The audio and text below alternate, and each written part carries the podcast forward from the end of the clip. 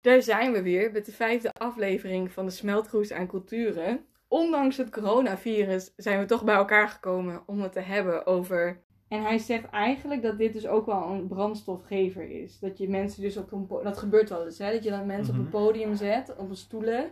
En dan mogen ze allemaal om de beurt wat zeggen en wat denken. En dan geef je, geef je mensen de kans om wat te vertellen en zo. Maar dan wordt er weer de focus gelegd op wat ik vind en wat jij vindt en zo. En eigenlijk wil je dat wegnemen. Ja, maar dat is dus heel moeilijk. Maar dat kan ook niet, toch? Want mensen zijn sowieso in groepen verdeeld. Ja, en je zegt, hij zegt ook de mate waarin de identiteit van de ander centraal staat, en dat is vaak het geval bij name met interreligieuze dialoog, bepaalt wat mij betreft het risicofactor. Ik zou niet weten wat dat zou betekenen. Ja, dat dus. eh, ik, heb, ik heb wel een tijdje onderzoek gedaan naar mensen die heel erg anti-religie waren. Mhm. Christopher Hitchens en zo. En eh, Stephen Fry. Stephen Fry. Er zijn volgens mij vijf mannen die heel erg, heel beroemd hier ook om zijn. Die echt anti, anti-religie zijn. Ricky Gervais, geloof ik ook. Ja, en die, maar die gaan dan in dialoog, debat, debat eigenlijk, met religieuze belangrijke mensen. Mhm. En in dat debat staan ze pal tegenover elkaar en zitten ze eigenlijk elkaar gewoon te troeven met goede argumenten van waarom het een zo slecht is vergeleken met het andere. Ja. En aan de ene kant kan je dan denken, wow, ze krijgen nu de kans om iets... Want het is wel allemaal kennis gebaseerd wat ze zeggen. En het is ook allemaal wel slim wat ze zeggen. Alleen Het is een, Het een niet. wedstrijd, het is een beetje een wedstrijd en het helpt het niet echt verder. Want is het niet gewoon iets in het midden? maar het, midden bestaat dan niet meer. Ja, ja. En hij creëert ook, die framet daarbij allebei een, een soort identiteit. Want Christopher, Christopher Hitchens zegt dan, dit is de religieuze persoon en dit en dit is er slecht aan. Mhm. En de religieuze persoon zegt, nee, dit is de religieuze persoon en dit en dit is er goed aan. En daarmee. Frame je eigenlijk heel erg. De volgende stap in ons avontuur. Eh, we gaan het zo meteen hebben met twee orthopedagogen over wat we zouden kunnen doen met een groep. Qua werkvorm, qua interview en waar je allemaal rekening mee moet houden. Maar daarvoor heb ik ook wat onderzoek gedaan naar polarisatie. En wat wel interessant hieraan is, is dat ik het in de eerste instantie een nogal naar woord vond. En me ook irriteerde aan het woord. Maar ik ben eh, teruggekomen op mijn mening. Want ik sta gewoon open voor nieuwe dingen. maar, ben je ehm, toch progressief. ja, man. goed hè. In ieder geval, wat het dus letterlijk betekent gewoon, polarisatie, zijn natuurlijk dat het twee tegenpolen tegenover elkaar komen te staan. Wij, Mhm. zij. Dus ik heb een hele harde mening en de andere groep heeft een hele harde mening en we zijn het niet met elkaar eens. En de kunst is om dan in het midden te komen met z'n tweeën. Alleen, dat is een stuk ingewikkelder dan dat je zou denken. En dat was wel heel interessant om daarachter te komen. Maar eerst nog even wat basisinformatie over polarisatie. Zo. Eh, in de eerste instantie is het eh, nogal een conceptueel eh, probleem. Het is niet daadwerkelijk dat je Pietje aan kan wijzen van Pietje sloeg me en Jantje beledigde me, dus zij zijn de daders. Zo werkt het niet, dat is een conflict. Maar bij polarisatie gaat het over grotere groepen of grotere concepten en ideeën. Dus niet mensen die je daadwerkelijk makkelijk kunt aanwijzen. Moeilijke daders. Wel drie dingen die, je makkelijk, die eh, duidelijk eh, te duiden zijn, is dat het een ge- gedachteconstructie is. Dus wat ik eerder al zei, het gaat over een idee. Mhm. Eh, en over, vooral heel erg over identiteit. Want ik ben het dus niet, ik ben het bijvoorbeeld niet eens met de andermans identiteit. En daarmee creëer ik mijn eigen identiteit. Want ik ben niet Oh, hun. Ja, ja, ja, Ik ben geen moslim. Dus ik ben iets anders. Ja, dus ik ben iets anders. En het wij-zij denken zorgt ervoor dat ik weet wie ik ben. En daarom doen mensen het ook grotendeels zoveel. En dat is er ook misschien een beetje gevaarlijk aan. Want mensen die misschien heel erg zoekende zijn. Van wat vind ik nou eigenlijk, wat wil ik nou eigenlijk. Klampen zich misschien een beetje vast aan dat gepolariseerde ideeën.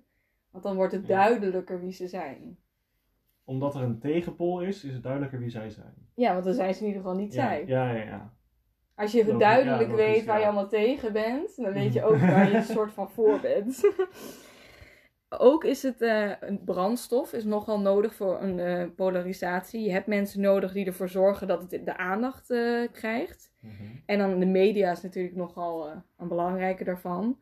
Meestal ook negatief wordt dat eh, als negatief aangeduid. Want de media zorgt ervoor dat de polarisatie alleen maar erger wordt. Mhm. En mensen moeten een podium krijgen om iets erover te kunnen zeggen. En dan vooral van die prachtige one-liners. En dan heb je natuurlijk het voorbeeld als Trump en zo, die het podium pakt Mhm. om maar te kunnen roepen wat hij vindt van anderen. En eh, hier is dan, eh, geen ruimte voor een redelijke discussie. Feiten zijn minder belangrijk. En eh, misschien wel de allerbelangrijkste is dat het gaat over emoties. Mensen hebben het hier niet over feiten. Het gaat niet over kwantummechanica of over biologie, maar het gaat gewoon over ik vind dit, ik voel dit, ik ben bang voor dit. Dus polarisatie is altijd emotie. Of, Ja, gefundeerd in ah, emoties. ja, ja. En ik denk vooral angst. Oké. woede.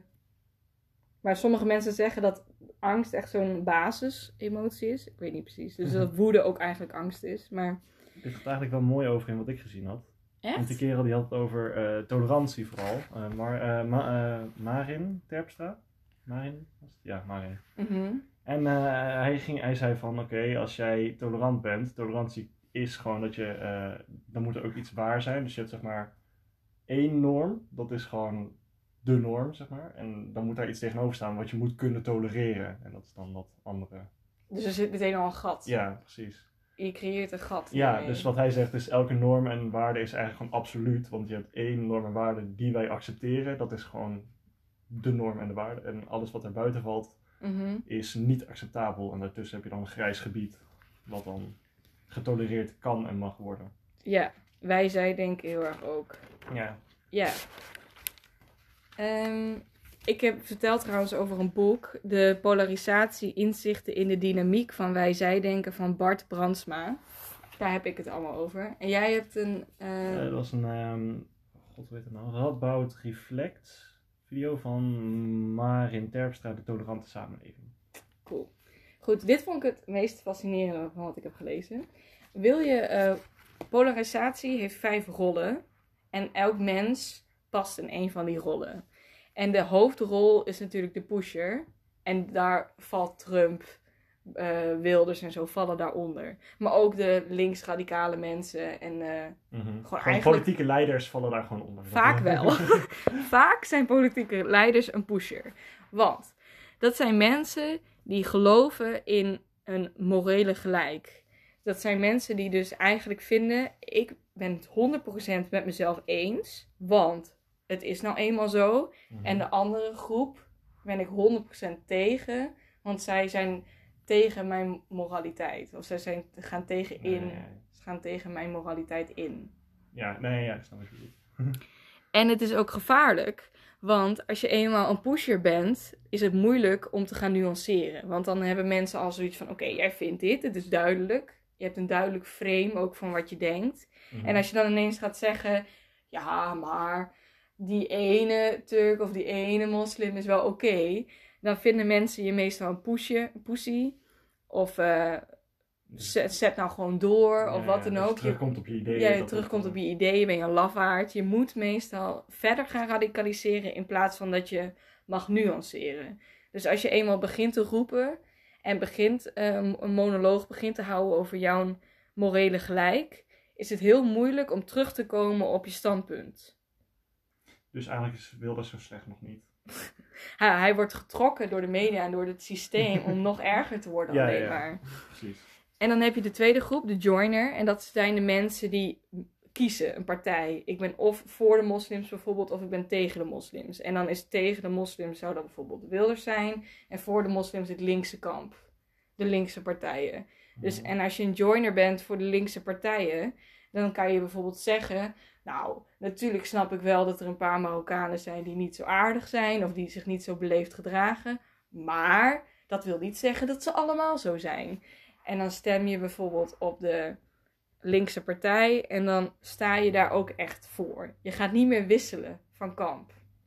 Als je eenmaal hebt gekozen, hoor je daar ook bij. Ja, oké. Je, dan zorg je ervoor dat jij zelf geframed wordt bij de, bij de framing van de pusher. Ja, precies. Snap je wat ik bedoel? Ja, ja. Maar het is wel echt een keuze. We, we ook met de Zwart Piet discussie. Kies je, ben je voor of ben je tegen?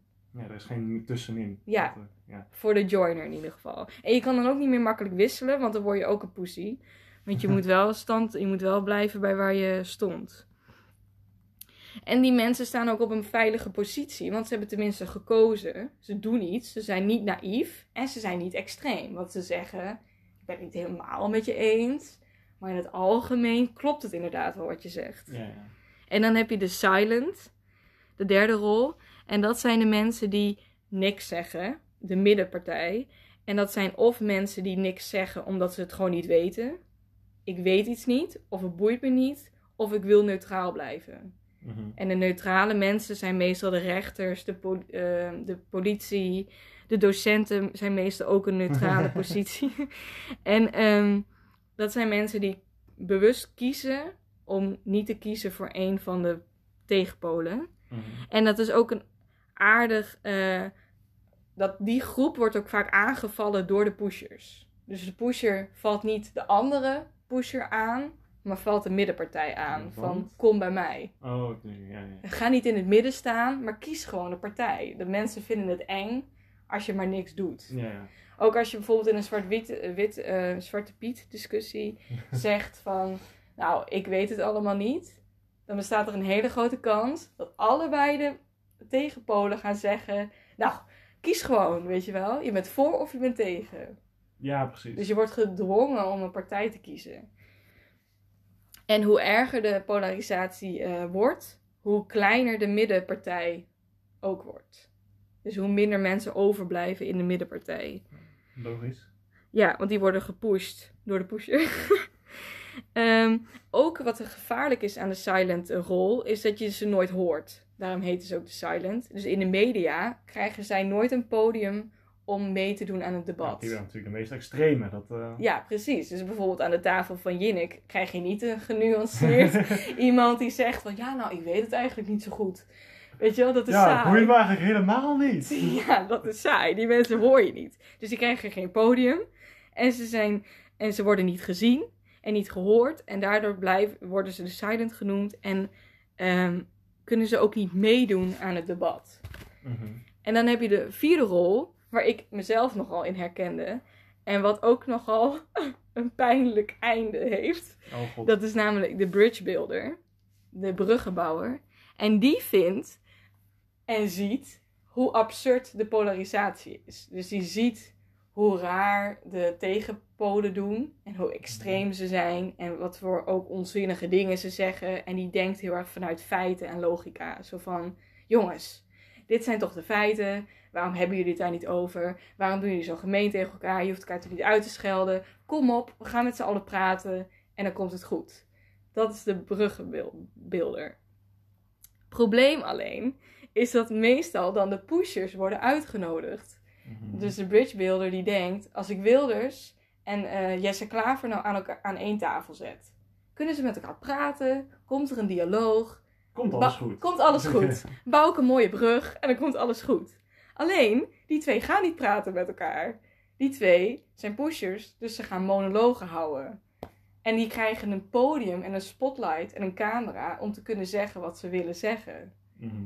Dus er komt helemaal geen dialoog. Er komt gewoon alleen maar meer podium en meer brandstof voor de polarisatie. Dus de bruggenbouwer die doet heel erg zijn best om mensen bij elkaar te brengen, maar zorgt er alleen maar voor dat het erger wordt. En nu komt de zondebok, de vijfde rol, en dat is meestal de bruggenbouwer. Dus als de polarisatie steeds erger en erger wordt, en die bruggenbouwer probeert maar de hele tijd iedereen bij elkaar te houden, Mhm. dan hebben we op een gegeven moment die tegenpolen zijn het zat. En die denken dan, die bruggenbouwer die mag er wel aan. In het ergste geval, hè? In het ergste geval. Dus bijvoorbeeld een moslim die opkomt voor de niet-moslims, die wordt echt als een gevaar gezien door de moslims. Ja, ja, logisch. En ook de, de, bijvoorbeeld een feminist die dan ineens zegt, nou, mannen die hebben ook best wel een zwakke positie. Dan hebben de vrouwen of de feministen om, om haar heen hebben dan zoiets van, wow, relax, je moet niet eh, opkomen voor de andere partij. en dan worden die mensen gelyncht. Oké, dat is wel heel heftig. Is zo, dat wordt gebeurd in de extreme mate. Ja, ja. En zondebok is er ook meestal pas echt als het heel extreem wordt. En dan wordt bijvoorbeeld de journalistiek niet meer geloofd. Mhm. Journalisten worden geslagen of aangevallen. De politie is de zondebok meestal. De politie wordt geslagen of aangevallen. Docenten kunnen ook dat probleem krijgen. Mhm. En burgemeesters. Burgemeesters zijn ook vaak zondebokken, want die hadden beter moeten weten. Die hadden iets moeten doen tegen dit probleem. Dus dat Een beetje oneerlijk misschien. is ook oneerlijk, maar mensen worden boos. Ja. Het is een emotioneel geladen ding. En eh, nu krijg je de kern van waardoor ik dacht dat we misschien het toch iets anders aan moeten gaan pakken. Dat is namelijk polarisatie krijgt voeding slash brandstof doordat we geloven in een soort verschil. ja, tuurlijk. Dus wij geloven dat je hebt moslims en niet-moslims. Die mogen elkaar niet. Dus er ontstaat een probleem. Polarisatie. Ja. Maar als je zou denken vanuit het idee: oké, wij willen allemaal een veilige haven, we willen allemaal eten, allemaal een huis en Genoeg wc-papier. genoeg wc-papier. Alleen ehm, ik krijg het niet door de andere partij en ik wil dat hebben wat de andere partij heeft, dan ontstaat er conflict. Logisch. Dat is een andere manier van denken naar eh, polarisatie. Snap je het verschil? Of heb ik het niet goed uitgelegd? Eh, ik moet even... Volgens mij is het wel logisch, ja. Dus bijvoorbeeld Israël-Palestina. Het conflict is er niet omdat je hebt de Palestijnen en de Israëliërs. Het conflict is er omdat ze allemaal water willen en Ja, grond. precies. Ja, ja, ja. En waarom hebben ze nou ruzie? Er is één gemeenschappelijk iets wat ze willen en dat is waarom ze ruzie hebben. Precies, dat ja. En dat is de manier waarop we naar polari- pol- pol- je weet, pola- po- polarisatie willen kijken? Of... Nou, als je blijkbaar volgens deze man er op die manier naar kijkt, dus niet wie is de dader en wat zijn de verschillen, maar hé, hey, wat willen we nou eigenlijk allemaal? Dan geef je het geen brandstof. En het Dus- is misschien makkelijker op te lossen ook. Ja, misschien wel. En stel je hebt een klas hè, en je gaat die klas bevragen over de verschillen. Dan creëer Ja, je precies. brandstof voor polarisatie. Terwijl als je het gaat hebben over van wie zijn we nou eigenlijk met z'n allen allemaal? Wat willen we nou eigenlijk allemaal? En ook, zou er conflict zijn als we allemaal hetzelfde zouden zijn? Dan Mhm. zouden de meeste mensen misschien wel denken, nou waarschijnlijk wel. Want er is altijd wel iets om over te ruzien. Eh, want hij zegt ook, vrede is eigenlijk een lange rij van conflicten waar we goed mee om zijn gegaan. Dus Oké. eigenlijk hebben we continu conflict en continu ruzie, alleen we gaan er gewoon goed mee om. En het escaleert niet tot polarisatie. Ja, ja. Ofwel. Go away. Dat, En dan is het geen vrede meer. Ja, logisch. En als je de schuldvraag weghaalt van wie is nou de slechterik, zijn het de moslims of niet-moslims? Als je het daar gewoon niet over gaat hebben, maar gewoon gaat hebben over, oké, iedereen wil mensenrechten waarschijnlijk. Iedereen wil eten. Waarschijnlijk. waarschijnlijk. Iedereen wil een wc, waarschijnlijk. Hoe kunnen we het dan oplossen, het probleem? Ja, oké. Dus je moet op een iets... Gewoon een andere manier kijken. Zou kunnen. Dat zegt hij. Ja, dat daar was ik dus ook over aan het twijfelen inderdaad bij onze eh, vraagstelling. Want je gaat inderdaad wel heel erg op zoek naar andere culturen. Het hele principe van wij-zij is- zit daar al in. Ja, en eh, Gerard, dat is trouwens een, filosoof slash psycholoog, die heeft dat idee bedacht van... Je moet niet kijken inderdaad naar het verschil, maar je moet kijken naar wat we allemaal willen hebben. Mhm. Want dat zorgt voor de grootste onrust. Ook met de olie bijvoorbeeld. Heel vaak werd Ja. dan onder de, de, het Onder het mom van... eh, geloofprobleem en eh, vrijheidsproblemen. Maar eigenlijk wilde gewoon iedereen dat geld en die olie. dus dat is een andere manier om naar te kijken. ja, ja. Maar het is wel ingewikkeld hoe je dat moet doen. Want eh, wat willen we nou eigenlijk? Nou ja, je kan naar specifieke gebeurtenissen inderdaad wel kijken naar wat iedereen wil. Maar Ik vind het wel een beetje om dat ingewikkeld. nu zo te bekijken, ja. En hij heeft het er natuurlijk over wat we wel kunnen doen. De sociale cohesie en dialoog. Nou, En daar kunnen we nog wel verder naar kijken. Hè? Zoals bijvoorbeeld. ehm,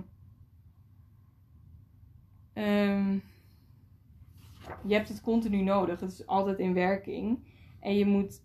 ehm, de dialoog moet gericht zijn op vrede en harmonie. De deelnemers bieden zichzelf aan. Open inschrijving.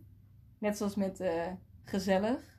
Ja, ja. Die plek waar die vrouwen samenkomen om te praten over... Is dat de enige manier om sociale cohesie te krijgen dan? Ja, de, hij, dit is de eh, vier dialoogkenmerken om het goed te Oh, laten ja, werken. ja. En de ide- identiteit van de ander staat centraal. Het gaat om uitwisseling van kennis. Mhm. Dat is wat die ehm, vrouw. eh, die, nee, dat was trouwens niet die vrouw. Dat was bij dat boek wat ik gelezen had. Zeiden ze dat ook, ja. Dat. ehm zei ze nog weer? ja, het gaat om, niet zozeer om het eh, debatteren. Het gaat meer om dialoog aangaan. En elkaar leren kennen en elkaar leren begrijpen. Ook het contact, Ja. inderdaad. En niet het verschil. Mhm, Kennis opdoen over de ander. Ja, en niet je eigen punten doorheen rammen. De talking stick methode komt daarbij, kan daarbij worden gehanteerd. Waarbij de sprekende deelnemer naar oud Indiaans gebruik een stok in de hand heeft en overhandigt aan de spreker naar hem of haar. Dat is ook die eh, deep democracy wat wij deden met dat staan. Dat je je Ja. voeten laat praten. In plaats van dat je in een discussie gaat met z'n allen, maar dat je continu een nieuwe stelling aanneemt. Ja, maar daarbij ga je niet praten. Tenminste, niet zozeer. Ja, een stelling aannemen, maar goed. Ja, en daar focus je ook wel niet, heel erg op je een- mening. ja, en dat is niet een dialoog natuurlijk. Nee, inderdaad. Maar je geeft wel ruimte. Ja, dat, is het wel. Dus ze, ze krijgen de kans om, om iets te zeggen. Mhm. En ze- dan wil je natuurlijk, het doel is onderling begrip en goede samenleving. En dat is denk ik ook wel een beetje ons doel, toch? Ja, Van we willen, welwillend is eh, inderdaad begrip, eh, begrip tonen voor elkaar, elkaar willen helpen, eh, ja. elkaar beter leren kennen. En ja, eigenlijk cohesie, dat is ook wel een goede. Mhm. En hij zegt ook dat je eigenlijk de pushers er niet bij moet betrekken bij dit soort dialogen. Dus de, de echte radicalen niet Ja. de kans de hele tijd moet geven om ook maar iets, om ook iets te Sowieso niet de zeggen. ruimte en de spotlight. eh, Ja, geef ze geen spotlight, want anders creëer je het probleem alweer. Bij dialooginitiatieven die tot doel hebben om het zwart-wit denken, polarisatie tegen te gaan, zitten de grijsdenkers, lees hier nuancezoekers, al bij aanvang in de zaal. Dus die moeten als eerste de, het podium krijgen. De identiteit van de ander moet dan centraal komen te staan. ja. Ehm, het enige juiste onderwerp is nu het conflict. En het moet daarbij niet gaan over de ander, maar over de deelnemer zelf. Zelfreflectie en expressie. Waarbij in de dialoog niet een afstandelijke kennis, maar de eigen vaardigheden om met de conflicten om te gaan centraal zullen moeten staan. En in dit stadium is open inschrijving uit den boze. Het organiseren van een dialoog en deze fase vergt een uitgekiende recrutering van deelnemers. En dit is het bemiddeling, bemiddelingsstadium. Oftewel gewoon zelfkennis. Ja, en ook eh, het, eigenlijk zo'n open kringgesprek misschien een beetje. Mhm. Dat je mensen bij alcohol, allemaal alcoholverslaafden bij elkaar roept. Van, hoe is het nou om alcoholverslaafd te zijn? Nee, ik weet niet. Zoiets. Maar eh, we gaan zo meteen over eh, met praten over de mogelijkheid van de werkvorm. Mhm. Vandaag praten we ook met twee eh, mensen die aan het studeren zijn voor orthopedagoog. Oké, nou wie zijn jullie? Ik ben eh Annie van Naus en ik heb, eh, als ik even wat over mezelf vertel qua eh, eh, werk. Ik heb 20 jaar in de kinder- en jeugdpsychiatrie gewerkt. Daarna ben ik begonnen met een eigen bedrijf, dat heet Rolwissel. En ik ben toen trainer en eh teambuilder geworden. En ik heb dus eh, ik heb lang les gegeven op een HBO-opleiding. Ehm, zowel bij small business en retail als bij social work. Ik heb eh, een psychodramaopleiding heb ik gedaan. Ik ben, heb een eh, supervisieopleiding gedaan. Ik ben erg thuis in voice dialogue en transactionele analyse. En op dit moment eh, studeer ik eh orthopedagogiek aan de Universiteit van Groningen. Oké, oké, nou dat is al een goede lijst in ieder geval. Zeker. Zo, nou mag ik zeker ook nog wat vertellen. Ja, zeker. Ik ben op het moment. Eh, oh ja, ik heet nog steeds Fons Joorman. Ik studeer ook orthopedagogiek. Ik heb jarenlang gewerkt als leidinggevende in de zorg voor mensen met een verstandelijke beperking. Ik heb eh, heel lang een eigen bedrijf gehad in de bouw en in het eh, ontwerpen van gebouwen. Dus ik heb ook nog een HTS-achtergrond. En heel lang geleden ben ik begonnen in de zorg voor zogenaamd moeilijk opvoedbare kinderen. En heb daar een HBO-diploma gehaald. Inrichtingswerk, dat is tegenwoordig de SPH. Maar goed, dat is al erg lang terug. Dat het lang en op het moment ben ik uh, binnen de zorg voor mensen met een verstandelijke beperking werkzaam als orthopedagoog in opleiding. Oké, okay, cool, perfect. top. Past er perfect wel bij. Jullie hebben genoeg zinnige dingen, denk ik wel, te zeggen. Dus, uh, waar gaan we het over hebben? Nou, Max, introduceer het onderwerp. um, we willen graag een uh, werkvorm gaan maken, dus voor ja, kinderen, volwassenen, um, om te kijken of ze welwillend zijn en dan specifiek dat welwillendheid en niet tolerantie willen we ontdekken. Uh, omdat dat natuurlijk onze vraag is en omdat wij dat uh, belangrijk vinden. En dan uh, tolerantie en welwillendheid? Nee, of... alleen welwillendheid in dit geval. Alleen welwillendheid. Ja. En wat verstaan jullie precies onder welwillendheid? Nou, dat ze willen leren van elkaar, willen omgaan met elkaar. En ondanks verschillende identiteiten en uh, willen um, groeien. Ja, hoe noem je dat? Dat ze ondanks het verschil in identiteit toch open voor elkaar staan om van elkaar te leren, samen te spelen, samen uh, dingen te doen. Um, ja. En dan niet per se kleurenblind. Je mag, ze mogen best, natuurlijk, natuurlijk is het ook prima om te beseffen dat iedereen anders is. Maar dat het niet dat, ten koste ja, dat gaat. verschillen niet. Uh uh, je geen problemen veroorzaken. Dat je niet denkt van, oh, hij is anders. Dus ik ga er niet mee om. Behalve natuurlijk pesters en zo. Je hebt natuurlijk gewoon... De ene persoon gaat liever om dan met de andere persoon. Mensen zijn altijd uniek, dus er is altijd wel iets aan de hand. Maar... Zolang het maar niet gaat om de uh, culturele identiteit, waardoor er frictie ontstaat. Oké, okay, helder. En um, ik had net een boek gelezen over de polarisatie het wij-zij-denken, hoe dat mhm. precies werkt. Ja. En wat toch wel een beetje chockerend voor mij was om te lezen, was dat de bruggenbouwers, dus de mensen die heel erg willen dat de tegenpolen bij elkaar komen, vaak de polarisatie alleen maar versterken. Want er is dan aandacht voor de tegenpolen, ze krijgen brandstof om erover te praten. En dan niet een dialoog, maar gewoon een monoloog. Dus dan kunnen de pushers, dus de voorstanders van de tegenpolen kunnen dan alleen maar meer vertellen wat ze wel niet vinden. En dan mhm. ontstaat er alleen maar meer frictie in plaats van dat er nader tot elkaar wordt gekomen. Heeft dat te maken met het feit dat er nadruk gelegd wordt op het verschil in plaats van op de overeenkomst? Ja, heel erg. Ja, want, natuurlijk. Dat, want, uh, ja. Het is altijd zo dat wij zij denken dat, dat versterkt het verschil sowieso al. Mhm. En ook het, het, willen verklaren misschien ook van, nou, jij bent zo, wij zijn anders, dus hoe gaan we nou met elkaar om? Mhm. In plaats van, wat willen we nou eigenlijk allemaal? Ja, dat bedoel ik. Je zou dus meer moeten richten op uh, wat willen we allemaal hetzelfde en wat doen we allemaal hetzelfde, in plaats van wat zijn dan die randverschijnselen die verschillend zijn. Ja, en uh, het, het, gevaar is misschien een klein beetje dat we als we met zo'n groep gaan praten, dat we te veel gaan belanden in uh, het bruggenbouwen idee. Van uh, jullie zijn moslim, jullie niet. Bla bla. Ik, de, ja, ik denk dat je juist inderdaad heel erg die verschillen gaat laten zien. Want zij zijn anders, maar we kunnen toch met ze omgaan. Wat, een beetje dat idee. Ja, ondanks dat we allemaal anders zijn, kunnen we toch met elkaar omgaan. Dat is eigenlijk best negatief. Ja, maar je kan het ook positief benaderen, toch? Je kan ook zeggen van oké, okay, we zitten hier allemaal met elkaar in deze klas. En wat zijn onze overeenkomsten? Ja, daar kan je toch, daar kan je toch je vragen op richten? Of is dat, is dat een. Uh...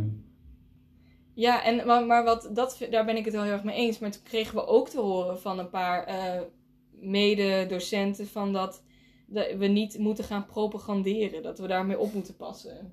Wat moeten jullie niet propaganderen? Dat uh, per se dat samen willen werken en zo. Maar aan de andere kant, dat gelijkheid is natuurlijk sowieso al in Nederland het geval. Dus wat ga je propaganderen, ja ja, dat, dat het een linkse propaganda wordt. jullie willen niet de tegenstellingen naar voren brengen en jullie mogen ook niet de overeenkomsten te veel benadrukken. Want jullie zijn allemaal hetzelfde. Begrijp ik het zo goed? Ja, nou we moeten oppassen dat we niet in een, een Nou ja. soort links propagandasysteem veranderen. Van dat, eh, oh we zijn, wat zijn we toch allemaal lief, wat zijn we toch allemaal aardig en wat gaan we toch allemaal goed met elkaar om. Ja, Dat, ja. Maar in zekere zin is het natuurlijk wel uitgaan. Ja, maar dat is misschien te sentimenteel of zo, ik weet niet. Want Maar hoe- begrijp ik ook goed dat jullie meer je willen richten op, eh, kijk, mensen verschillen. En ehm, mensen hebben verschillende eh, economische statussen, mensen hebben verschillende kleuren, mensen hebben verschillende ouders. En mensen zijn allemaal mensen met dezelfde eh behoefte aan vriendschap en, en dat soort zaken. Dus mensen zijn sowieso anders, of je nou uit een andere cultuur komt of niet. Dus ik raad het daar ook een beetje om, die mix van jullie zijn allemaal eh, hè, kinderen, pubers. En ehm, er zijn verschillen tussen jullie en er zijn overeenkomsten tussen jullie. Ja, dat, zijn, dat, zijn, dat is heel feitelijk inderdaad. Want wat we ook al lazen in dat boek, was dat het ook een gevaarlijke eh, valkuil is. Om inderdaad dan dus niet op de emotie te gaan zitten. Wat dus heel vaak gebeurt bij polarisatie. Dat het een en al emotiegesprekken zijn. Maar als je te veel op de feiten gaat zitten, op de harde feiten, weet je wel, biologische feiten en meer aardrijkskundige feiten, dat het dan niet per se verbetert of zo. Maar dat je meer op de bij de ik moet blijven, bij de reflectie en de zelf. Ja, want natuurlijk die andere feiten, dat is gewoon een deel van jouw leven. Dat is gewoon jouw identiteit ook. Ja.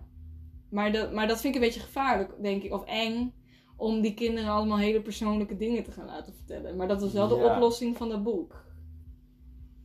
Ja, dus wat is jullie, want ik heb, ik heb me wat zitten voorbereiden en ehm, daar kan ik wat over vertellen. Maar wellicht hebben jullie ook een, echt een gerichte vraag aan ons. Nou, je mag wel eerst vertellen wat je hebt eh, onderzocht. Maar, maar, maar nog één ding tussendoor zeggen? Zeker. Tuurlijk. Er is een verschil tussen gelijkheid en gelijkwaardigheid hè, in dit soort dingen. Dat is misschien een interessante ingang. Ja, over dat, over dat ze dat stapje dan omhoog doen voor die mensen die er niet overheen kunnen kijken, over de rand. Snap je wat ik bedoel?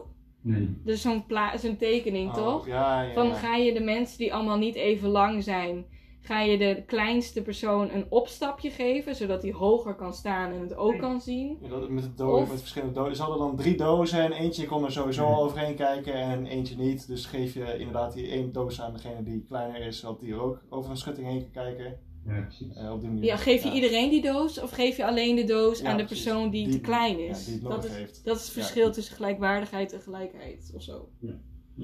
Of zo. Oké. Ja, maar ik snap wel wat je bedoelt. Ja? Ja, Wat ik vanochtend ehm, tijdens het wandelen bedacht is van, eh, toen ik hierover nadenken was, ik denk ja, wat, hè, want, eh, wat, wat kan ik hier nou ehm, mee beginnen om over te vertellen? Ik heb natuurlijk heel veel eh, actief gewerkt met groepen, met, eh, met zowel met pubers als met eh, docenten, met andere mensen, met hulpverleners. En ehm, er is, ehm, ik ben een psychodramateur en Moreno, de grondlegger van psychodrama, die is eigenlijk mede begonnen vanuit een sociometrisch beeld naar mensen.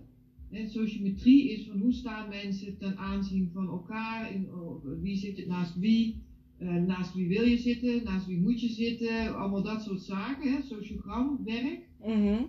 En hij is in eh, grote theaters in de 60 jaren is hij ehm, met mensen eh, eh, gaan werken om.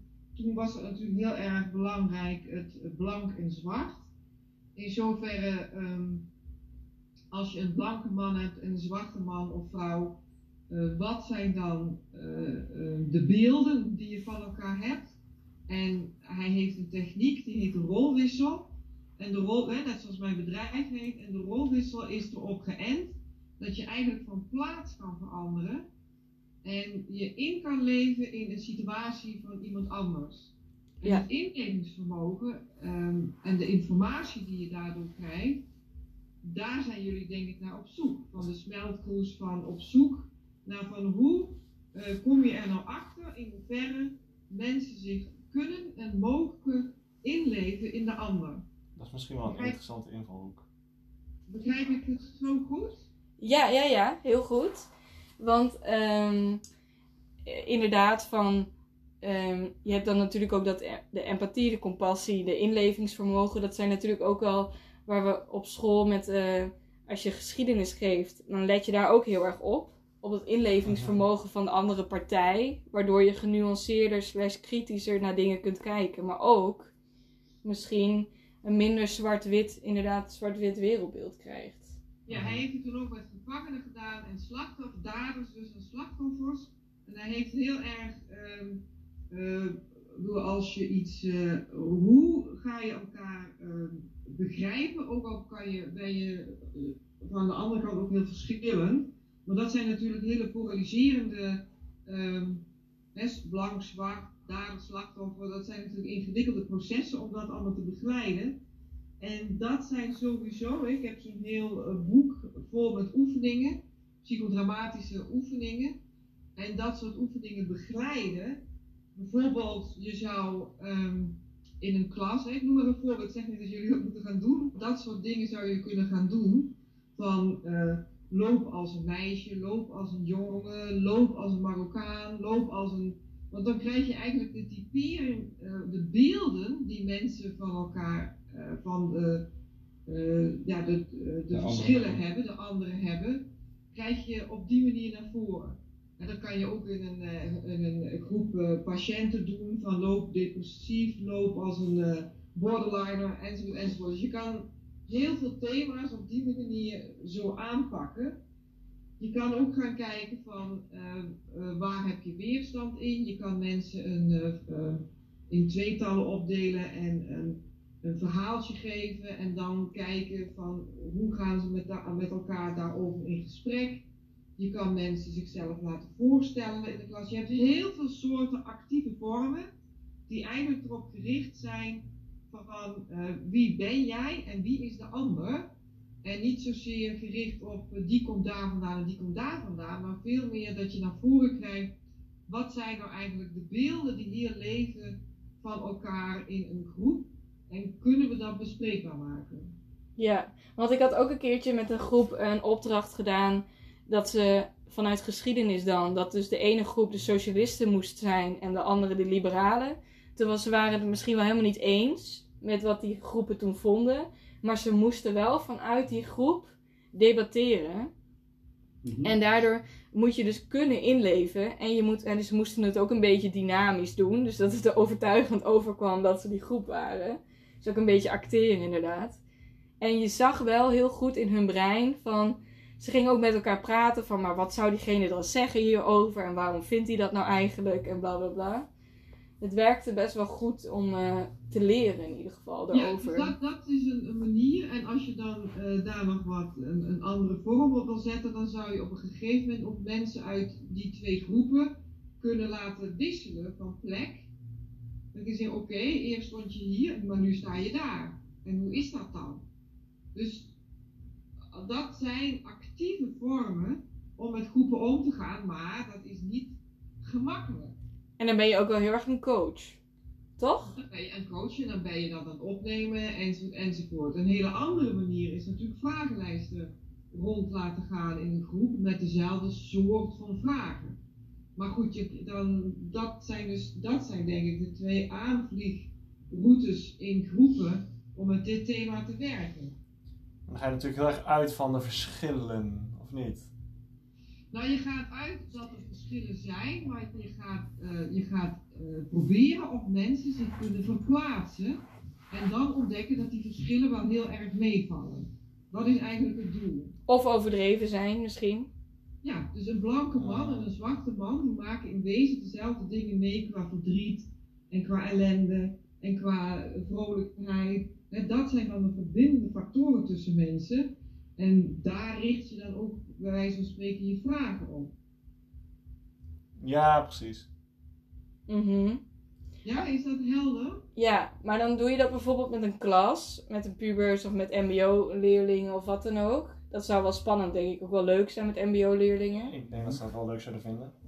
Want ik heb ook al een keertje zo'n stellingenspel inderdaad gedaan. En dan, maar dan kom je inderdaad pal tegenover elkaar te staan. En dan praat je heel erg vanuit wat je zelf vindt. Dus dat is niet per se Nee, verbroederend. Nu ruilen we van positie. Ja, Ja, nu ruilen we van Die positie. stelling van, eh, en dan zeg je van oké, dit, dit is de keuze die je normaal zou maken, maar nu ben je, nu moet je proberen vanuit de ander die stelling te verdedigen. En je zou, ja, en je zou zelfs de groep dezelfde stellingen of de vooroordelen kunnen opschrijven. Van wat zijn jullie vooroordelen eigenlijk naar elkaar? ja. Ja, wat zijn jullie vooroordelen van jullie ouders? Wat zijn jullie vooroordelen van jullie docenten? En de docent mee laten doen. Ja, want ik heb ook al gedacht, hè, wat is jullie doelgroep? Je kan leerlingen, je kan docenten, je kan ouders. Ja, dat zijn allemaal doelgroepen. Ik weet niet hoe je ze bij elkaar moet krijgen, maar in wezen. Want de vooroordelen van. ehm, ik had jou bijvoorbeeld laatst, of ik weet niet of je dat gezien hebt, via, via Facebook, zo'n eh, ehm, een stuk ge- gestuurd over een, een, een leerlingbegeleider die met een jongen die de hele tijd door bepaalde eh, docenten de klas uit werd gestuurd, die er helemaal wanhopig van werd. En zij heeft toen een, een, een rode en een groene lijst gemaakt van docenten. Bij welke docenten word je de klas uitgestuurd, bij welke niet en wat gebeurt er nou eigenlijk? En Ja, Daar zei hij hele interessante dingen over. En het idee wat daar heel mooi aan was, dat docenten zich toen een aantal zich ook realiseerden van hé, hey, ben ik eigenlijk wel goed bezig als Een ik. duidelijk. ja, ja, ja.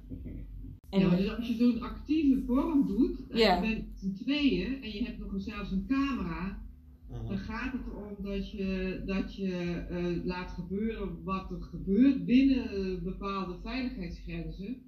Maar dat je, dat je daarna eigenlijk ook heel goed gaat kijken wat gebeurt er nou eigenlijk. ja, Ik bedoel, je kan het alles zien, dat bedoel ik eigenlijk.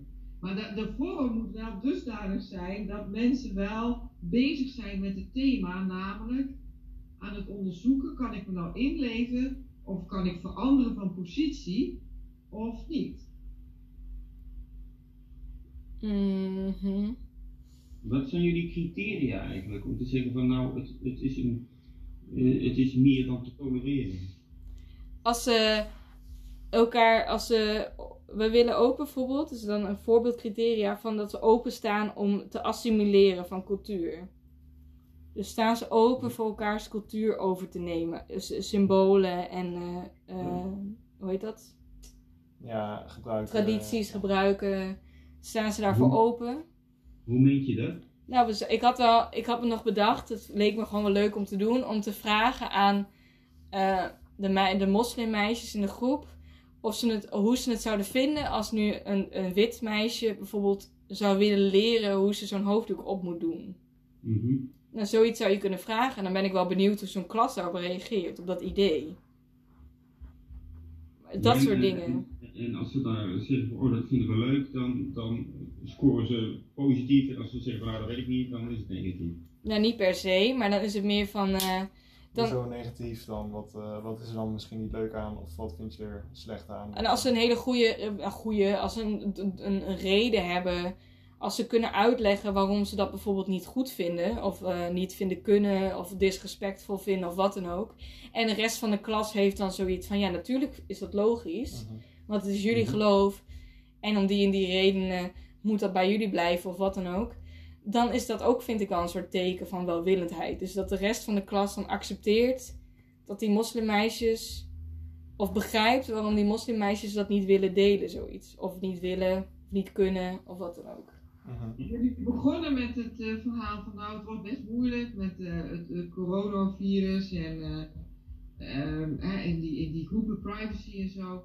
Dus wat, ehm, waar gaat jullie idee nou heen dan? En wat zouden jullie vragen zijn naar ons? Nou, ehm, ik denk dat we niet per se uit zijn op een duidelijk antwoord van een bepaalde vraag. Ik denk dat we vooral observatief willen laten zien, of met een werkvorm of wat dan ook, hoe mensen werken. Dus bijna, eh, we naderen denk ik steeds meer een soort meer psychologisch onderzoek dan een Het gaat cultureel meer die kant op, ja. ja, dan een cultureel, dit is, eh, klopt of dit klopt niet, of dit is goed Het- of dit is niet goed. Ja, het originele idee was om... eh, wat was het nou? Ehm, Een utopische smeltkroes, ja. ja, wa- was om een groep mensen te zoeken, en leerlingen in dit geval. En daarbij te kijken, oké, is, dit een is dit een welwillende smeltgroes? Eh, en dan zou je dus eerst moeten uitvinden of het welwillend is. Ja. En om daarna dan eh, te gaan kijken, wat doen ze nou eigenlijk precies om het welwillend te houden, te maken. Mhm. Eh, krijgen, ja. ja. en dat dan eh, ook vast te leggen. Dat dat dan de, de, de conclusie was, zeg maar. Van dit en dit eh, hebben ze gedaan om het eh, welwillend te krijgen. Ja. Maar Alleen, dat oorspronkelijke idee en nu? nou nu hoe meer we weten, hoe genuanceerder het wordt. Ja, En ook, eh, we weten eigenlijk al best wel veel. We hebben eigenlijk al door ons onderzoek al best wel wat dingen geleerd over hoe dat kan. Zo'n welwillende smeltkroes. We hebben al, we zouden al bijna ons conclusie kunnen filmen. Puur vanuit literatuur, literatair, of noem je dat, onderzoek. Omdat er zijn al mensen die dit al hebben gedaan. Er zijn al mensen die onderzoek hebben gedaan naar groepsdynamica, naar tolerantie, naar polarisatie, naar al die dingen. En dus we kunnen al eigenlijk een conclusie filmen van onze documentaire. Maar nu is misschien eerder de vraag: oké, we weten dat al deze dingen nodig zijn voor mensen om goed met elkaar om te kunnen gaan. maar gaan ze ook echt nog goed met elkaar om? Ja, of, of is het. eh, Maar jullie willen nog wat praktijk erin brengen. Ja, en, Ja. En, en ook misschien staat. Ne- is, hoe ver is Nederland in dit proces? Misschien wat meer soort. Of wil je kijken van wat, wat docenten faciliteren om dit voor elkaar te kunnen krijgen? Ja, Of scholen. ja en eh, ja, dat zou ook kunnen, ja. Bijvoorbeeld, ja. Politie. Maar Als je, wat jullie eh, docenten, ja. een docentengroep of docenten, ja. Want willen jullie nou met een groep in de actie of willen jullie vragenlijsten maken of weten jullie dat nog niet? En hoe, eh, hoe, want hoe breng je dat actief in een, in een eh, documentaire ook? Ja, want we gaan, als het goed is, dinsdag gaan we een eh, straatinterview doen met een paar mensen in Eindhoven. En we gaan naar het eh, meest corona-achtige gebied wat er is in Nederland. Maar- We gaan gewoon de spanning bestrijden. De straat zal dan wel leeg zijn. Ja, precies. Maar we gaan dan een interview doen. En dan is het idee om de, de middengroep, die dus bijna nooit aan het woord komt. Dat is ook het idee van de, de kunst, eh, of van, van, het, Een eh, kunstenares. van de kunstenares. Om de middengroep van de polarisatie, dus eigenlijk de mensen die nooit aan het woord komen, die eh, kans te geven om iets te kunnen zeggen. Ja, ja, jullie hebben dus de, de- jullie hebben een kunstenares die daar aan meedoet, zeg maar. Ja, die heeft dat bedacht om dat te doen. Die doet aan straatinterviews over heel Nederland, over alle soorten onderwerpen. Zodat, ja, zodat de silent groep, dus de middengroep, dingen kan zeggen over wat hij vindt of voelt, of wat hij wil en niet wil. Mhm.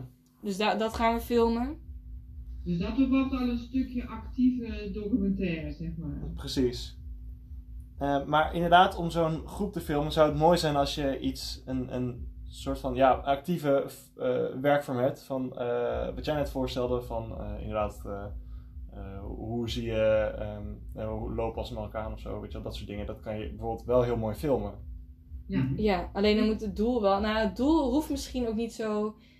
ehm, want wat ik me ook al realiseerde was dat die podcast die wij nu maken, daar zit al zoveel eigenlijk informatie slash zoektocht in van wat we allemaal al hebben gedaan voor deze documentaire. Dat we al, we zijn al wat bouwstenen aan het leggen die we, zouden, die we ook zouden kunnen filmen. Dus we hebben het hier nu over. En als we het dan vervolgens zouden kunnen toepassen op een groep, dan is het bijna, wordt het steeds meer een soort informatieve documentaire. Snappen jullie wat ik bedoel? Mhm. Dus van we hebben het nu hier over, van dit kan je doen met groepen. En dan kom je erachter en dan kan je eh, polarisatie tegengaan. Of dan kan je een smeltkroes creëren door ze te leren hoe het is om de ander te zijn. Nou, dat kunnen we doen met een groep. En dan kunnen we dat beeldmateriaal gebruiken om bij deze informatie te plakken. Ja, ja, ja. Nou, Ja, zeker, precies. zeker. En op die manier wordt dan dus eigenlijk de document. En als we dat bij alles doen waar we het nu over hebben gehad in deze vijf documentaires, Of eh, ja, afleveringen. afleveringen, dan zijn we eigenlijk een soort miniserie aan het bouwen. Zouden we kunnen doen, hè? Ja, ja, ja. Van onze zoektocht naar de positieve smeltkroes. Klinkt inderdaad wel interessant.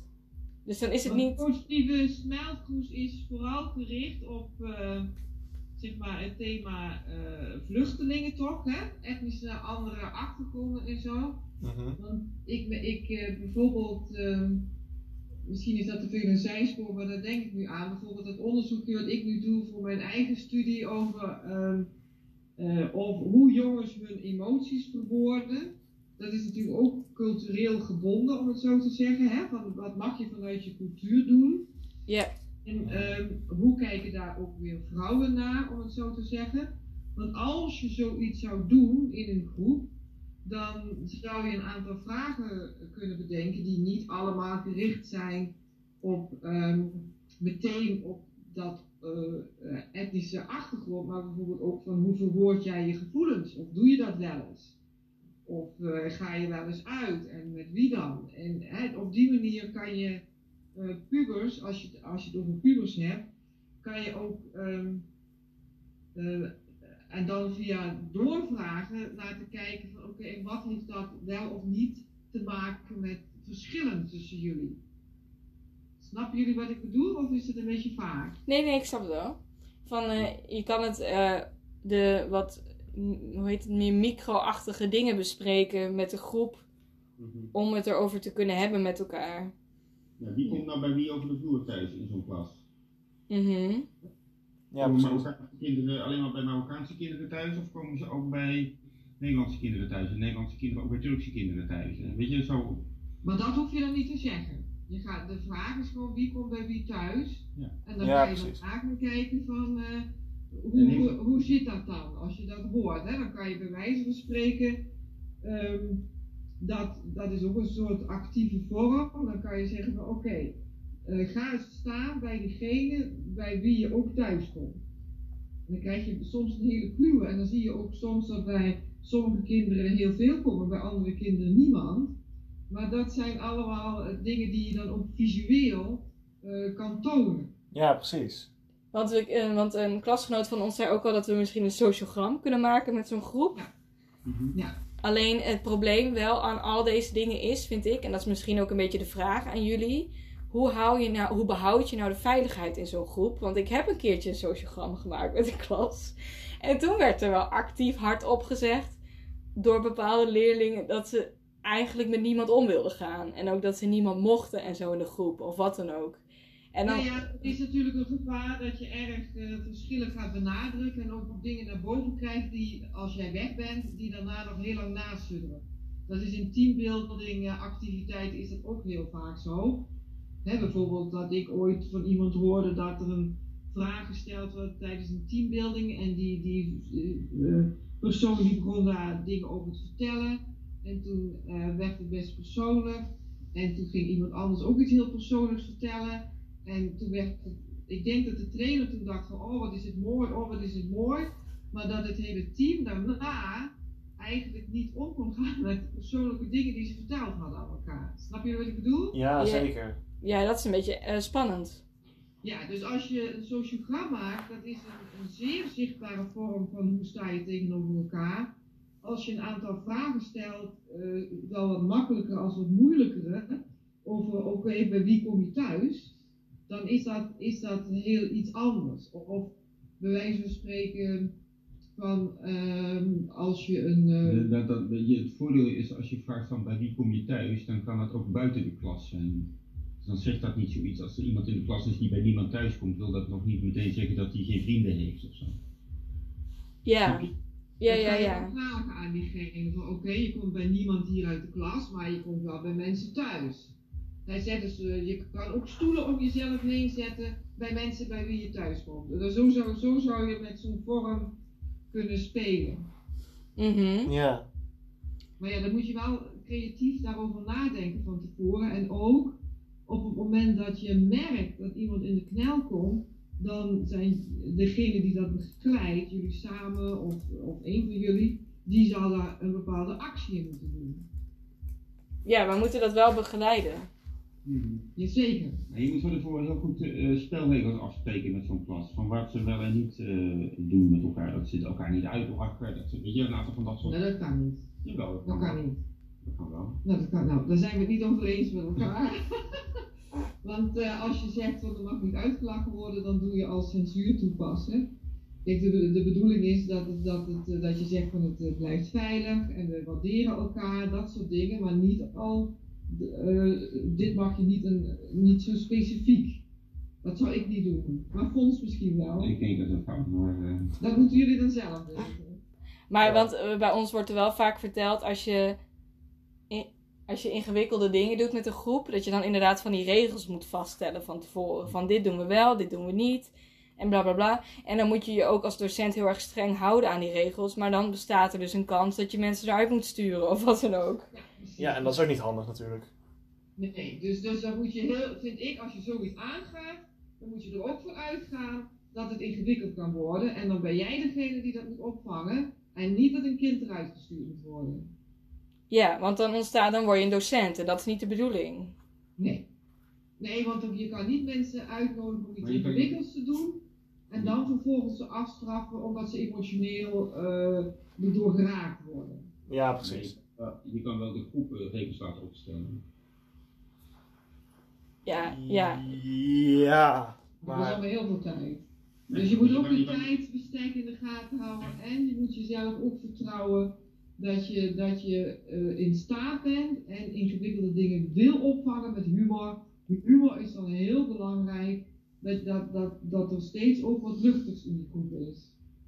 Ja, ja, En ook, eh, ja, dat is natuurlijk ingewikkeld. Want je wil niet, je, want ik hoor ook wel vaak dan van mensen, je moet goed kunnen doorvragen. Als iemand Ja. iets vaag zegt, dat je dan vraagt van, nou, wat bedoel je daarmee? Of wil je dat op een andere Ja. manier uitleggen of wat dan ook. Ja. Ja, Kan je voorbeeld geven, kan je... Maar dan is het belangrijk om te zeggen, wil je een voorbeeld geven? ja, ja. Zodat je eigenlijk op die manier je mensen de ruimte geeft. Als je het niet wil, is prima. Dus dat is wel iets wat ik bijvoorbeeld altijd zeg. eh, je, je, als je iets niet wil zeggen, zeg je het niet. Prima. ja. Ja, Dus, dus de vragen ook eh, eh, zo stellen dat iemand de ruimte heeft om ehm, te kiezen in wat hij zegt. mhm. Zijn er nog andere manieren waarop je kan zorgen dat kinderen wat meer open zijn dan? Want volgens mij is het best moeilijk om iets uit een, uit een eh, eh, puber te halen. Maar ik denk dat dat op niet moeilijk is. Ik denk dat het heel lastig is om het te begeleiden. In zoverre dat het snel uit je handen kan vliegen. En daarom is een werkvorm, eh, echt een aantal werkvormen kiezen en daar je goed in inlezen, is wel belangrijk. En eigenlijk dat oefenen met een groepje vrienden of zo, van tevoren, en dat misschien ook leuk opnemen. Maar dat je dat met een groep van tevoren oefent, zodat je ook zel- jezelf tegenkomt in zo'n groep op een actieve manier begeleiden. ja. Mhm. Dat is inderdaad wel een goeie. Want, Je, je vrienden vragen of hij de vervelende puber wil zijn, die niet mee wil doen. Nee, nee, nee, nee, nee, nee, nee, nee, ja. Ja, Fons en ik zeiden niet dat Fons vindt dat, maar ik vind dat van u. maar, Ik vind, ik vind heel erg dat het echt moet blijven. Want anders gaan mensen, mensen willen heel graag heel vervelende pubers zijn. En dan leer je niet eh mee vibreren op de emoties die er echt zijn. ja, precies. eh, maar je hebt natuurlijk wel, Als je, men- als je mensen rollen geeft. Nou, mensen, zeker eh, vrienden die ook voor de klas hebben gestaan, die zijn er helemaal gek op om dan een hele vervelende puber te gaan spelen. En er zijn, er zijn, die kunnen dan iets spelen wat er in werkelijkheid nooit kan zijn. maar de er zijn wel, ik wou niet zeggen VMBO-leerlingen, maar dat is misschien een beetje vreemd, maar er zijn wel leerlingen inderdaad die nogal uit de, uit de slof kunnen schieten. Hoe noem je dat? De, Ja. Die agressief kunnen worden. Maar dan word je bang, denk ik, voor uitersten. En dan En moet je als, wij gewoon... daar, als wij daar inderdaad met z'n vieren staan en een docent erbij, dan is dat toch wel iets minder. eh, En, je, en je, zolang je jezelf ook inderdaad niet, zolang je niet per se iets hoeft te zeggen, kan je jezelf natuurlijk beschermen door je mond te houden. mhm. Maar ik denk wel dat het belangrijk is dat jullie, als er een docent bij is, dat jullie de docent hele goede instructies geven. Dat hij het niet over gaat nemen. Ja. Ja, precies. Kijk, het kan wel wat Fons zegt. Ik wil hem niet eh, de mond snoeren, maar het kan wel wat hij zegt. Alleen kies je daarvoor. Wat bedoel je? De regels? Nou, als je met een groep vrienden eh, dat gaat oefenen, kies je er dan voor wat, dat je rollen uitdeelt? Of kies je ervoor om die groep vrienden die vragen echt voor te leggen te- en, en spontaan te kijken wat gebeurt hier nou? kan in principe allebei proberen. Je kan ook allebei. Eerst spontaan en daarna ga je nog de rollen doen. Ja. Zeker. Zeker. We zouden het met onze docenten kunnen doen. Ja, ja, ja, het is wel heel interessant om dat ook met docenten te doen, ja. Ik denk dat dat wel heel interessant zou zijn. Ik weet niet of ze het Zou zouden tijd voor willen. hebben, dat is de vraag. Nou, ze het willen denk ik vooral. Nou ja, maar je kan gewoon een groepje docenten, ook al heb je er maar vijf. Dat is heel leuk om dat te doen al. Ik bedoel, om, om wel meer oefening te krijgen. Want je moet natuurlijk zelf niet stilstaan, je moet zelf ook kunnen bewegen. Nee, je moet zelf in je houding heel erg laten zien, zonder al te veel woorden te gebruiken, wat zijn we hier aan het doen. Ja, actieve, open houding. Ja, en, en duidelijk, dit zijn de grenzen. En humor, hè, dat je, niet, je gaat niet iemand uitlachen, maar je, je kan wel veel humor gebruiken. Dat is altijd wel heel erg belangrijk. Mhm. Ja, En toch vind ik het wel interessant dat jullie eigenlijk zeggen van, dat je al heel veel weet hoe dat het moet en hoe dat het werkt en wat er voor nodig is. Om dan toch ook echt heel te gaan kijken van nou, hoe faciliteren dan scholen om dit voor elkaar te krijgen? Wat doen die docenten dan? ja. Helpen ze Ja, mee of, helpen ze, of werken ze tegen door hun houding? ja want die boeken die, waar, die wij hebben gelezen zijn wel zeer recent. En ook in die boeken staat ook wel dat er heel lang is geteerd op wat oudere ideeën over hoe je met mensen om moet gaan. Mhm. En dat die meestal juist het verergeren misschien wel. Ja, Dus- in hoeverre zijn die docenten nog met die oude manieren bezig? Ja, dat willen we inderdaad ook gaan bespreken. Want natuurlijk, die docenten die bevorderen ook zo'n welwillend eh, eh, klimaat. Ja, die, of, die een grote rol in hebben. Mhm. uh-huh. En ook over, eh, Bij een docent hoor, ook de leiding van zo'n school bijvoorbeeld, of, of, of eh, de, de, de chef van, van de fabriek.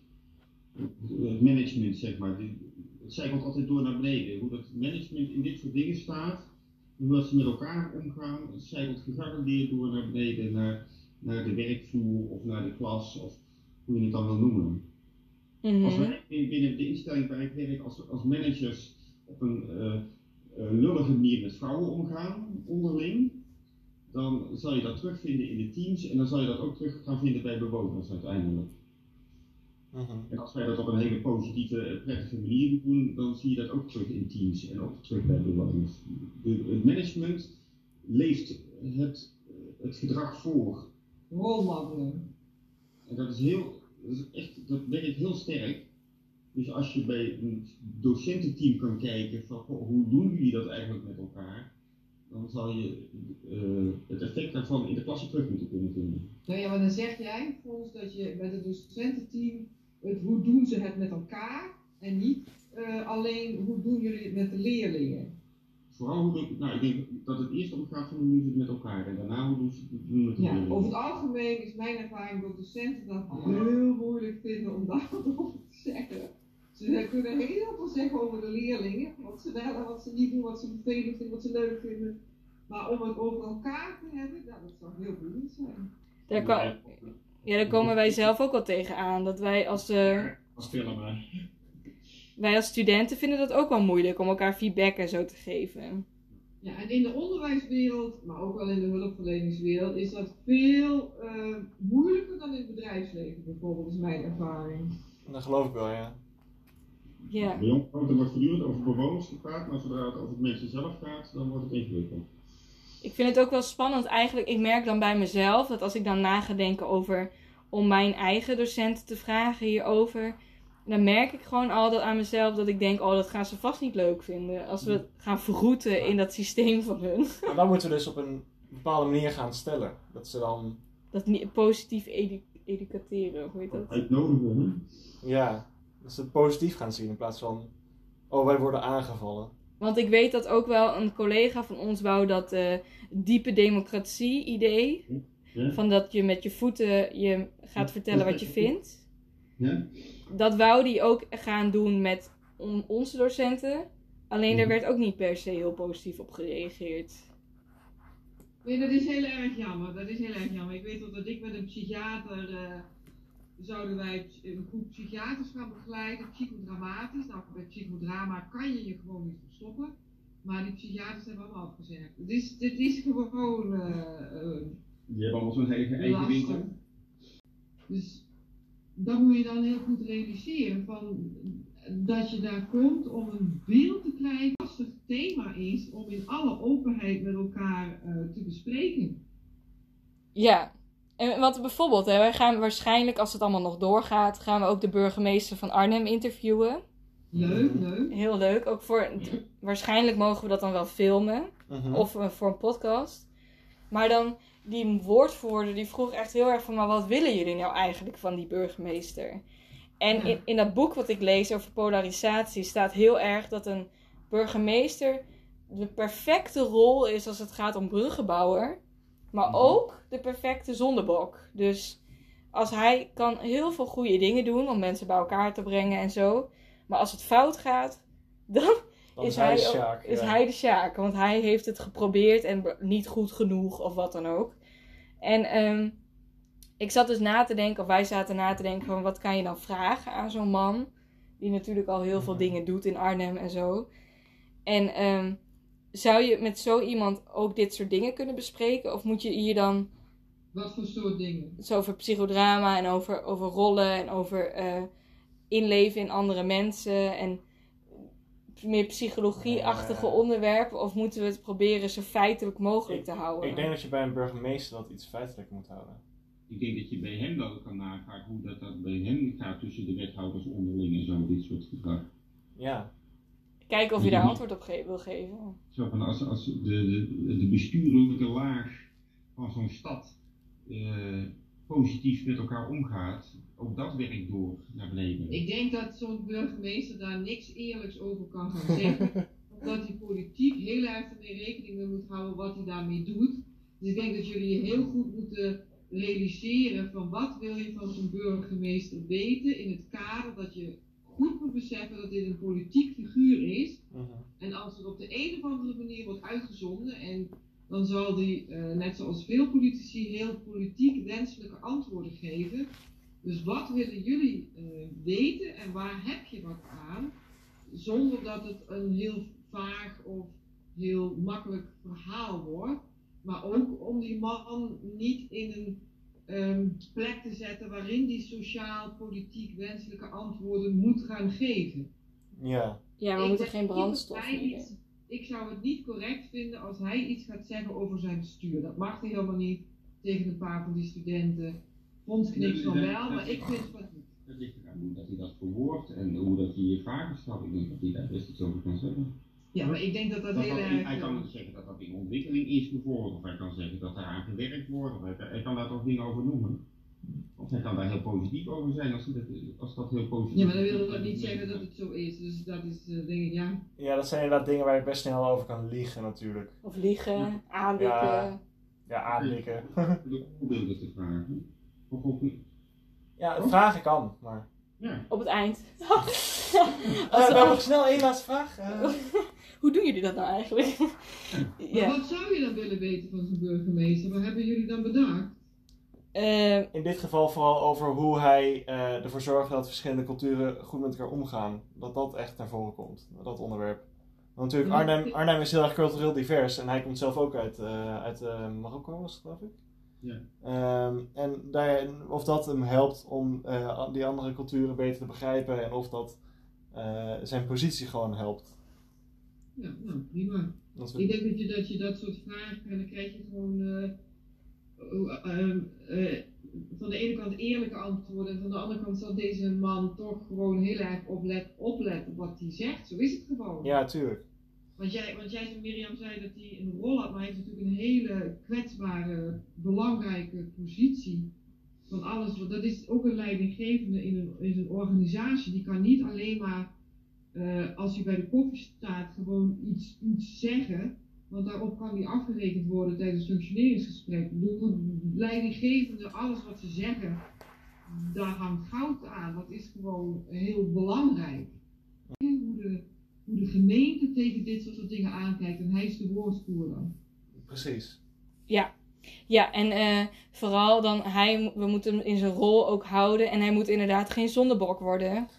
Nee. En we Nee. moeten ook, dat is ook inderdaad waar ik mee begon met ons verhaal. We moeten niet proberen een brug te bouwen tussen mensen. We willen gewoon laten zien wat er gebeurt. Ja. Meer een beschouwer dan een, eh, dan een bemoeier. Ja, ja, ja, ja. Meer een, geen preek, geen dominee, hè. Geen, niet gaan preken, maar gaan eh, onderzoeken. Ja, dus Mensen ruimte geven om te laten zien wat er is. ja. Ja, Ik denk dat dat iets belangrijks is dat we wel in de gaten moeten houden natuurlijk. als silver lining. Ja, dat we dat niet in, uit het oog moeten verliezen. Van we- wat we willen is gewoon laten zien van dit is er gaande. Dit, dit doen mensen ervoor om eh, proberen het te laten werken, de multiculturele samenleving. Dit zei- zeggen mensen ook wel er tegen misschien, of wel niet, ik weet het niet. ja. Maar ja, jullie zijn vooral gericht op de voor, hè? Op de wordt al zoveel over gezegd, maar vooral gericht op de voor. En dan is het inderdaad, hoe zorg je ervoor dat, je niet, dat het niet lijkt alsof jullie verschillen weg willen poetsen. Maar dat jullie veel meer erop uitgaan van hoe, kunnen we, hoe help je mensen om eh, zich in te leven in anderen. Ik denk dat dat inderdaad een hele goede vraag is. Hoe kan je ervoor zorgen dat mensen zich inleven? Hoe kan je, hoe kan je ervoor zorgen dat die verschillen niet zo groot zijn, dat eh, dat, dat geen frictie oplevert? Ja, Ja. dat we open blijven staan voor elkaars ideeën. Hoe, eh, en hoe faciliteren organisaties dan hun personeel in dit soort dingen? Ik Ja. vind dat ook wel een interessante vraag, ja. Ja, Ja, want, Wat de gemeente daar bijvoorbeeld in? Om, om te zorgen dat hun ambtenaren een beetje, een beetje kleurloos leren denken of eh, eh, Met respect- kleur leren omgaan. Respectvol met kleuren omgaan, met kleurverschil omgaan. Hoe Ja. doen ze dat? Met, met die, die ordebewakers op straat of weet je die mensen, de... de eh, de vluchtelingenpolitie of... nee, Douanebeambtenaren, Nee, ja, dat, dat is niet, valt niet onder de gemeente, maar... De BOA's. Eh, De, ja, precies, dat soort dingen. De, de, de mensen die eh, de bekeuringen uitdelen of die de, de eh, parkeerbonnen schrijven. Of, Ja. hoe, zo- hoe worden deze mensen Begeleid. begeleid of ondersteund om nou, respectvol met alle kleurtjes, of eh, op dezelfde manier met alle kleuren om te gaan, in plaats van eh, witte mensen voor te trekken of wat dan ook. Of juist niet voor te trekken. Ja. Politie lijkt me ook wel een hele interessante. Ik vraag me af hoeveel de politie daarin te woord staat. Want ook als je, als je bekijkt naar het boek van wat ik nu net heb gelezen, is dat de politie, de journalistiek. Nou, nee, laat- nee eh, oké. De politie, burgemeesters en docenten. En daarna de journalistiek zijn de belangrijkste bruggenbouwers in een land. Die proberen mensen tot bij elkaar te houden of bij elkaar te trekken. En die zijn ook de slachtoffers als het fout gaat, meestal. Ja. En dat zijn denk ik de meest interessante mensen dan ook voor ons onderzoek om te bekijken van hoe proberen jullie die brug te bouwen? Ja. Werkt het? Hoe doen jullie dat? ja, Ja. En hoe worden jullie daarin ondersteund door jullie eh, leidinggevenden? Ja, er zijn er natuurlijk altijd protocollen, maar eh, protocollen is papier Precies. en eh, de praktijk eh, wordt niet altijd op deze manier beleefd. Want ik weet wel dat, dat wat op mij veel indruk heeft gemaakt jaren geleden, dat er zo'n bericht, eh weet ik veel waar stond, over een eh, oma die, eh, haar dochter was getrouwd met een eh, zeg maar hele zwarte man. Dus haar kleinzonen waren behoorlijk zwart. En dat zij het steeds zo ontzettend pijnlijk vond hoe zij uit de rij werden gepikt op vliegvelden. Mhm. ja, En dat, dat, dat, eh, hoe moeilijk dat is om dat dan ehm, mee te maken. Eh, dat je ziet dat die jongens steeds maar weer op die manier worden, worden benaderd. ja dat, dat slijt ook in. Je creëert daarmee mee ook. ehm, Nou ja, wat doet het met je zelfbeeld, wat doet het met je identiteit? Hè? Dat, dat zijn dan van die. Maar wat doet het ook met die douanebeambtenaren? Dat is ook een Mhm. hele interessante Ja. om te zeggen. we gaan ook naar de IND. Van wat komt er het land binnen, wat gaat er het land uit, maar vooral wat komt er binnen. Dat, eh, die, die letten daar heel erg op, denk ik. Mhm. Ja, hebben jullie daar wat aan zo? Ja, Zeker. zeker. We gaan nu een, pla- een nieuw plan maken, of een nieuw plan, een ver- verbeterd plan, zoals elke keer. Het is een proces, hè? Het is een proces. Het is, Ja, het is, het is zeer groeiend. proces. Ja, dankjewel. Heel erg bedankt voor jullie eh, hulp hierin. En we hebben heel veel eh, ja. gehad en jullie wijze woorden. En eh graag gedaan. Graag gedaan en heel veel succes. mhm. Dank jullie wel. En gaan naar de documentaire uiteindelijk. Ja, ik ook. nou, we zullen zien hoe dat gaat. In ieder geval. Oké. Doei, dankjewel.